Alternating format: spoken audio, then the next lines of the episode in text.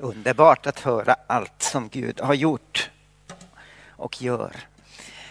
Jag har också väldigt många tacksägelseämnen som har hänt under det här året. Mycket, som ni vet så reser jag ganska mycket till andra länder och eh, Gud gör saker eh, som han aldrig har gjort förut. Och eh, jag har en berättelse från ett land i Centralasien där det finns en folkgrupp som bara är 29 000 människor. Och för ungefär två och ett halvt år sedan så åkte vi till det här landet och jag och en annan person och vi, innan vi åkte så hade vi bett för här, den här folkgruppen.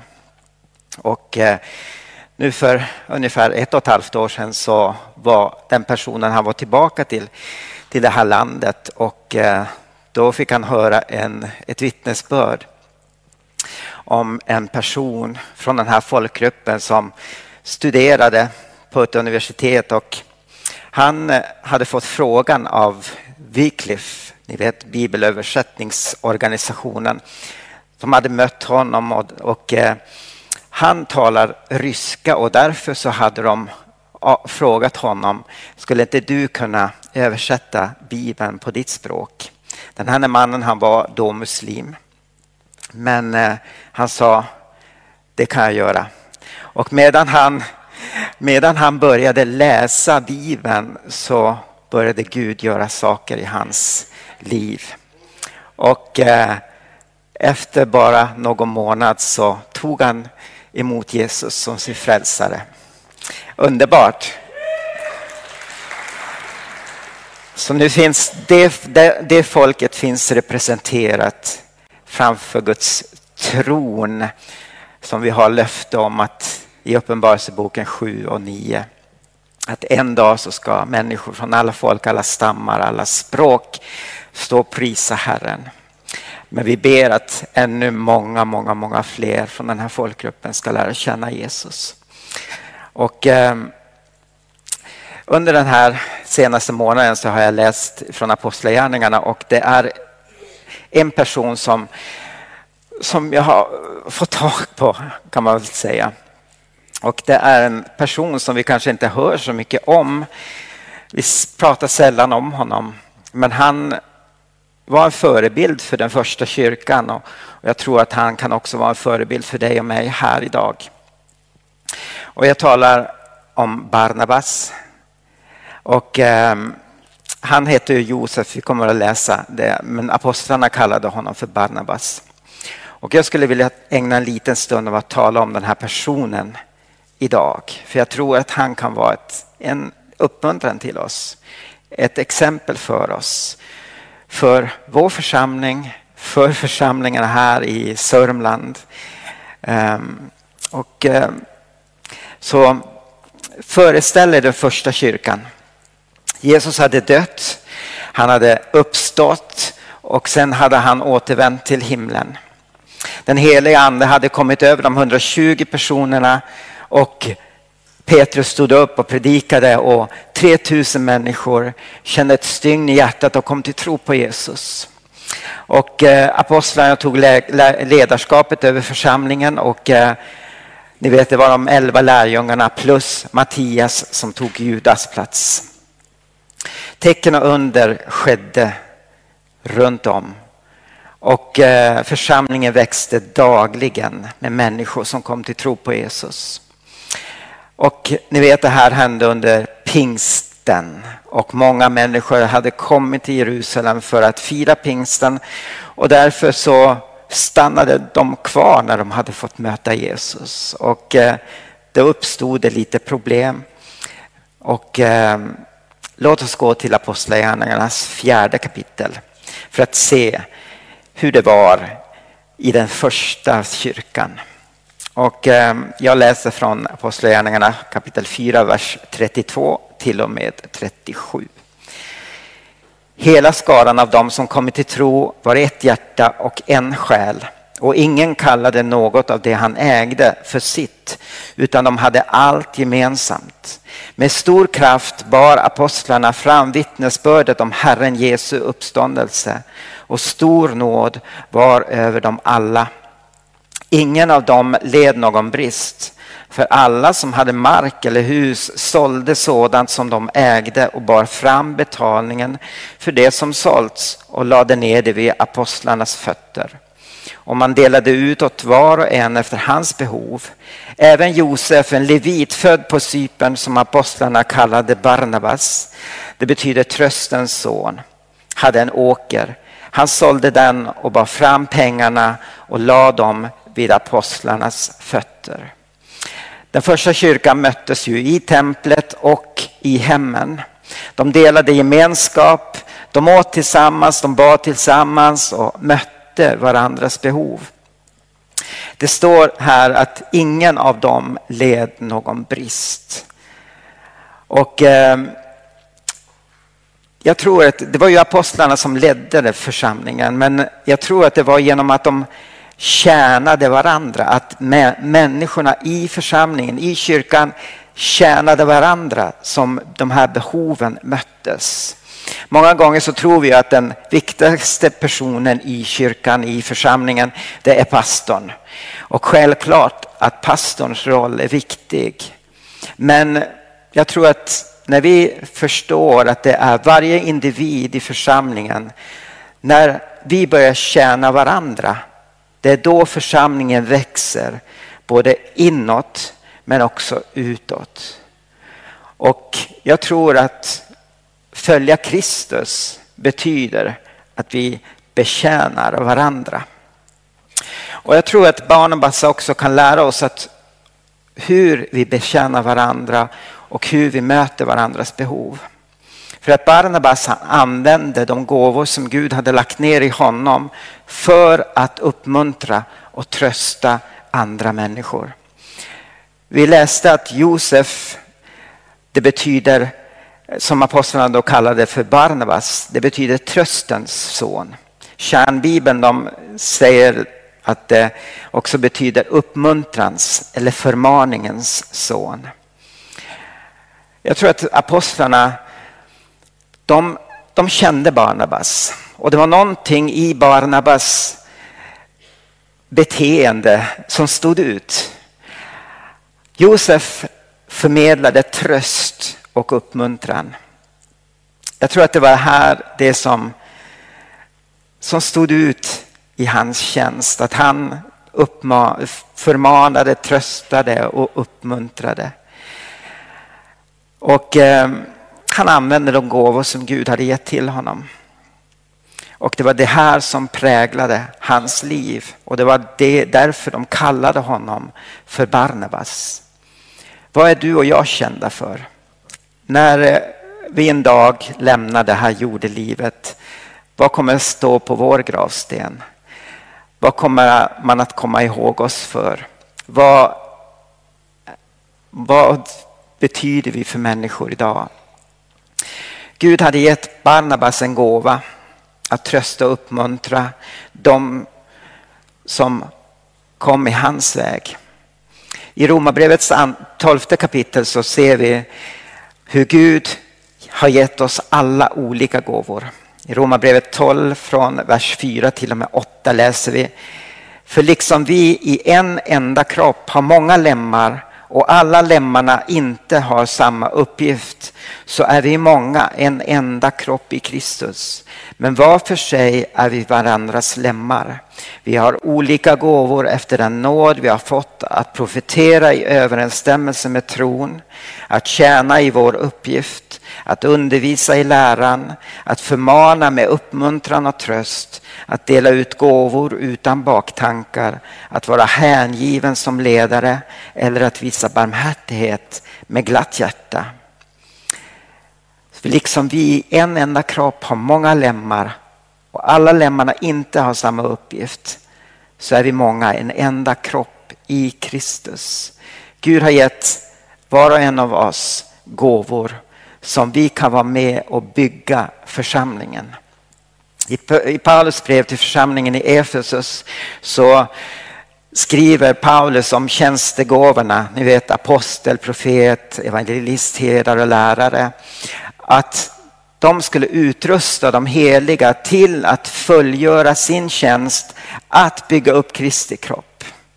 Du och jag som medlemmar i Kristi kropp, vi har en del i att bygga upp kroppen, bygga upp församlingen. Se inte ner på dig själv, se inte ner på de gåvor som Gud har lagt ner i dig, utan använd dem. Var frimodig och använd dem. För att du är en del till att göra församlingen starkare, både inåt och utåt.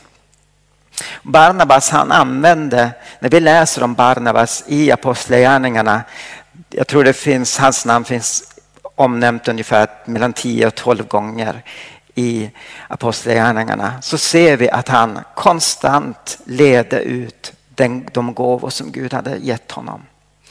Och eh, här så, så läser vi att han gav upp sin åker, han sålde sin åker och lämnade pengarna inför apostlarnas fötter. Och eh, i Apostlagärningarna, som vi inte har tid att läsa nu, i kapitel 9 så möter vi Paulus. Saulus hette han då. Han möter Jesus på Damaskusvägen och Jesus förvandlar hans liv. Och eh, han börjar på en gång predika Kristus och han får en del lärjungar. Men sen så ville Paulus komma till Jerusalem för att möta apostlarna. Men då står det att, att lärjungarna är rädda för Paulus. För de tror att han ska nästla sig in och göra dem ont. Men då, då är det någonting underbart som står i, i Apostlagärningarna 9, vers 27. Att då tog Barnabas hand om honom. Då tog Barnabas hand om honom. När jag läste det här så var det som om det, det bara lyste ut från Bibeln. Alla var rädda för Paulus. Men Barnabas såg Paulus och han tog hand om honom. Han tog honom till apostlarna och förklarade vad som hade hänt i Paulus liv. Och eh, tänk att Tänk om vi kunde vara sådana människor som ser de människorna som kanske är utstötta. De kanske, jag vet inte, eh, folk är rädda för. Men att vi ser de människorna, vi tar tag i de människorna, vi tar hand om de människorna. Kanske människor möts med avsky. Men du och jag ska möta dem med kärlek. När människor kommer hit till församlingen, låt oss möta dem med kärlek, med gästfrihet. Jag kommer ihåg första gången jag satte min fot i den här församlingen. Vi hade precis flyttat hit till Eskilstuna och jag hade kollat vilka församlingar som fanns här i staden. Och jag tänkte jag går till pingst. Och eh, på en gång när jag kom in så möttes jag med kärlek och sen dess har jag stannat kvar. Vi vet inte vem de människor är som kommer in genom våra dörrar. Kanske det är en människa som inte har allt eh, för sig, kanske en uteliggare, kanske någon som har problem, kanske som till det yttre inte är någonting i den här världen. Men vi vet inte vad Gud har lagt ner i den människan och vi ska oavsett vem det är möta den människan med kärlek och ta hand om honom eller henne. Och eh, vi vet när vi läser apostlagärningarna att eh, en förföljelse bröt ut i Jerusalem och lärjungarna, de som hade tagit emot Jesus, flydde från Jerusalem och gick överallt till olika platser och där de gick predikade de Kristus. Och en del av de här kom till Antiochia och där började man även att prata till grekerna. Fram till dess hade man bara talat till judar. Men en stor del av grekerna kom till tro på Jesus.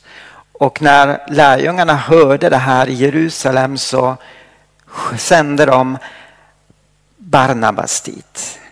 Och vi läser från Apostlagärningarna kapitel 11, vers 22 till och med 24. Ryktet om detta nådde församlingen i Jerusalem och man sände då Barnabas till Antiochia. När han kom dit och såg vad Guds nåd hade gjort blev han glad och uppmanade dem alla att hålla sig till Herren av hela sitt hjärta. Barnabas var en god man fylld av den helige ande och tro och en stor skara fördes till Herren. Så Barnabas sändes till Antiochia. Och här är också någonting som, som står ut när vi läser om Barnabas. Det står att han var en god man, fylld av den helige ande och tro. Tänk att ha det ryktet om sig, att man är en god man, en god person. Man har en karaktär som, som visar på Jesus.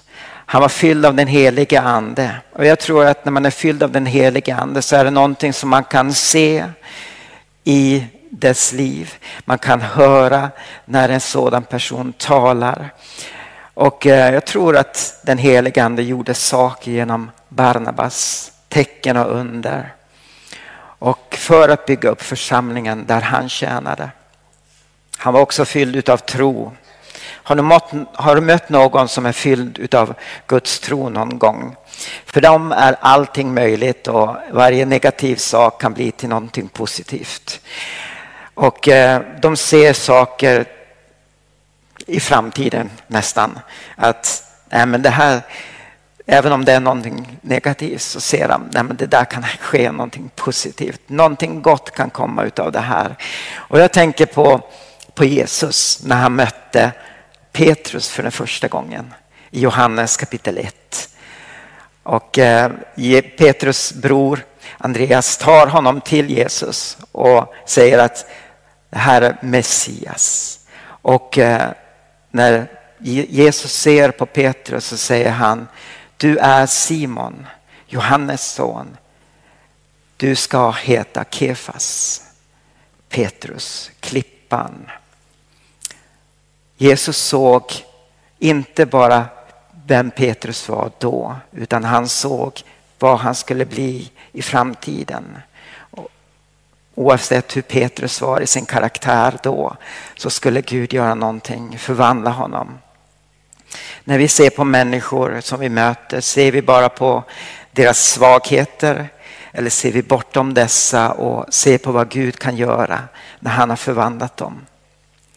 Fortsätter här i, vers, i kapitel 11, vers 25 och 26 så står det att därefter begav han sig till Tarsus för att söka upp Saulus. Han fann honom och tog med honom till Antiochia och under ett helt år var de tillsammans med församlingen och undervisade en stor skara. Och det var i Antiochia som lärjungarna först började kallas kristna. På grund av förföljelsen mot Paulus så hade lärjungarna sänt Paulus tillbaka till Tarsus från den staden han kom ifrån. Och eh, Paulus hade nu befunnit sig i Tarsus mellan 8 och 14 år. Och eh, ni vet, det var en väckelse som pågick i Antiochia och men, många hedningar, många greker, många hedningar kom till tro. Och då tror jag att Barnabas, han kom att tänka på Paulus. Han kom att tänka på vad Jesus hade kallat honom till. Att bli, att gå till hedningarna och predika evangelium. Så han åkte till Tarsus och hämtade Paulus och de tillsammans betjänade de församlingen i Antiochia. Och många kom till tro. Och eh, de senare i samma kapitel så så kom några profeter och de sa att det kommer en hungersnöd över hela världen. Och, Barnabas och Saulus de blev skickade sen för att komma med hjälp till församlingen. Och eh, i kapitel 13, om vi går snabbt dit, från vers 1 till och med 3, så står det så här. I församlingen i Antiochia fanns det profeter och lärare Barnabas, Simon som kallades Niger, Lucius från Kyrene, Manaen som var fosterbror till landsförsten Herodes samt Saulus. När de tjänade Herren och fastade sade den helige ande avskilj Barnabas och Saulus åt mig för den uppgift som jag kallat dem till. Då fastade de och bad och la händerna på dem och skickade sedan ut dem. Här så kallar den helige ande Barnabas och Saulus för att gå ut och predika evangelium. Och eh, församlingen de hör den helige ande tala och de avskiljer Barnabas och Saulus och sänder dem ut. Och eh, jag tycker det är otroligt fascinerande att läsa om Barnabas. För att här efter när vi läser om de här två personerna så står inte längre Barnabas namn före Paulus utan det är Paulus som står före Barnabas. Och eh, jag tror inte att innan det här så hade ju Paulus varit Barnabas medhjälpare men från och med nu så är det tvärtom. Och jag tror att det här var någonting som inte tog Barnabas så mycket åt hjärtat. Barnabas han, han brydde sig kanske inte så mycket om positionen i Guds rike. Jag tror att det här var någonting som präglade honom. Han var inte ute efter att synas, han var inte ute efter att sitta på en piedestal utan han ville tjäna Herren. Han ville tjäna församlingen och de människor som Gud sände i hans väg. Jag har mött många människor och många människor är som Barnabas. De söker inte en position utan de vill utföra den kallelse som Gud har lagt i deras liv. Men det finns andra som söker en position och ibland så spelar det ingen roll vad de gör för att komma upp på den positionen. Låt oss vara som Barnabas. Låt oss vara de som tjänar Kristus. Som tjänar församlingen, som tjänar de människor som, som Gud sänder i vår väg. Ni vet Jesus, han sa själv att jag har inte kommit för att bli tjänad utan för att tjäna. Så om Jesus kunde säga så, så borde du och jag också kunna göra så. Vi tjänar Jesus, vi tjänar människor. Vi söker inte en position. Vi söker inte en plats där människor kan se oss. Utan vi är där Gud vill att vi ska vara.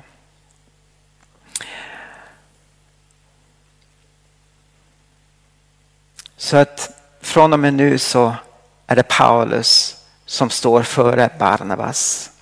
Och eh, i kapitel 15 så, så har de, ni vet om man gör en lång historia kort så Markus hade åkt med Barnabas och Paulus på första missionsresan. Men Markus hade lämnat dem, övergett dem och det här tyckte inte Paulus om. Och nu i kapitel 15 så vill, vill de åka på en till missionsresa och då vill Barnabas att de ska ta med sig Markus också. Men Paulus säger aldrig. Han övergav oss då och han kommer kanske att överge oss nu. Han ska vi inte ta med oss. Och det blev en konflikt mellan Paulus och Barnabas. Och eh, Barnabas han tog med sig Markus och de åkte till Cypern och Paulus han tog med sig Silas och de seglade iväg och åkte iväg. Det skedde en konflikt på grund av att Barnabas såg Markus. Han tog hand om Markus. Och vi ser att Barnabas han stod alltid på den utstöttes sida. När Paulus inte hade tagit, när, när han inte togs emot av lärjungarna så tog Barnabas hand om honom. Nu när Markus inte togs emot utav Paulus så tog Barnabas hand om honom. Han förstod att det fanns en potential i Markus. Han hade gjort misstag Men ändå står Barnabas på hans sida. Han ger inte upp om honom. Så många gånger du och jag ger upp om människor fast Gud inte ger upp. En konflikt är aldrig bra, men vi ser när vi läser Apostlagärningarna att det gick bra i slutändan. Och i Paulus brev till Kolosserna så ser vi att Paulus har tagit emot Markus. Han har förlåtit honom för det han gjorde och säger till församlingen att ta emot honom väl om han kommer till dem i Kolosse. Så låt oss lära oss av Barnabas att ta emot, att stötta människor, att tjäna människor. Ingen av oss är fullkomlig. Gud ger ändå inte upp om oss. Jag menar, se tillbaka på ditt liv och eh, jag tror att alla utav oss kan se att det finns skavanker och det fanns skavanker men Gud i sin nåd har använt oss. Barnabas hade gåvan att uppmuntra och trösta och han använde den här gåvan för Jesus, för att ära honom och för att bygga upp Kristi kropp. Jag vill läsa ett sista bibelord och det är från första Petru brev kapitel 4, vers 10.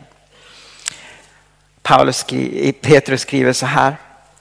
Tjäna varandra var och en med den nådegåva han har fått som goda förvaltare av Guds mångfaldiga nåd. Tjäna varandra. Var och en med den nådegåva han har fått. Du har fått gåvor. Tjäna din medsyster, din medbroder. Var goda förvaltare av den nåd som Gud har gett oss. Vad är din gåva? Vad har Gud gett dig? För att bygga upp den här kroppen, bygga upp församlingen här på den här platsen i Strängnäs och i Sörmland och varhelst Herren har satt dig. Församlingen tror jag inte Församlingens tillväxt bestäms inte av hur bra predikanten predikar på söndagen. Församlingen växer till och människors behov möts när varje medlem, precis som du och jag, når ut till människor varje dag i veckan. Då vi använder en gåva som Gud har gett till oss. Och en del är precis som Barnabas, starka uppmuntrare och tröstare. Och jag ber att Gud ska resa upp ännu fler sådana här i vår tid, här i vår stad, här i vårt land. För att vi behöver sådana människor. Och eh, när ni läser Apostlagärningarna nästa gång, lägg märke till Barnabas.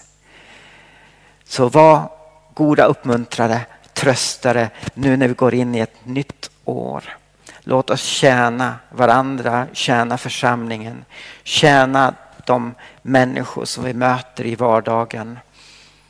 Det finns så många människor som har sådana behov som bara du och jag kan möta genom att Gud har lagt ner gåvor i oss. Låt oss be. Herre, vi tackar dig för, för den nåd det är att få tillhöra dig. För den nåd det är att att tjäna dig, ära dig Herre med det som du har lagt ner i oss. Tackar dig Herre för varje person som är med här i vårt möte idag, de som sitter och tittar på skärmarna Herre. Jag tackar dig Herre för varje gåva som du har lagt ner i deras liv. Jag tackar dig Herre för att det ska komma många till del Herre, att det ska få bygga upp församlingen Herre, bygga upp din kropp Herre. Herre, att styrka vår församling, styrka församlingen så att vi växer till in, inåt men också utåt, Herre. Att precis som det skedde i apostlagärningarna, att dagligen växte församlingen till genom de människor som kom till tro på dig Jesus. Så tackar vi dig Herre för att vi i vår vardag, Herre, kan tjäna människor som vi möter, Herre, och leda människor till tro på dig Herre. Tackar dig Herre att vi får vara sådana människor som Barnabas som var goda människor. Fyllda av den helige ande och fulla av tro på dig Gud. Inte på oss själva men på dig Herre. Tackar dig Herre för det nya året som vi går in i, Herre. Låt oss glömma det som har varit dåligt, Herre, och, och bara vara tacksamma, Herre, för allt det goda som du ger, Herre. Jag ber dig, Herre, att du ska välsigna var och en som är här idag, Herre. I Jesu namn. Amen.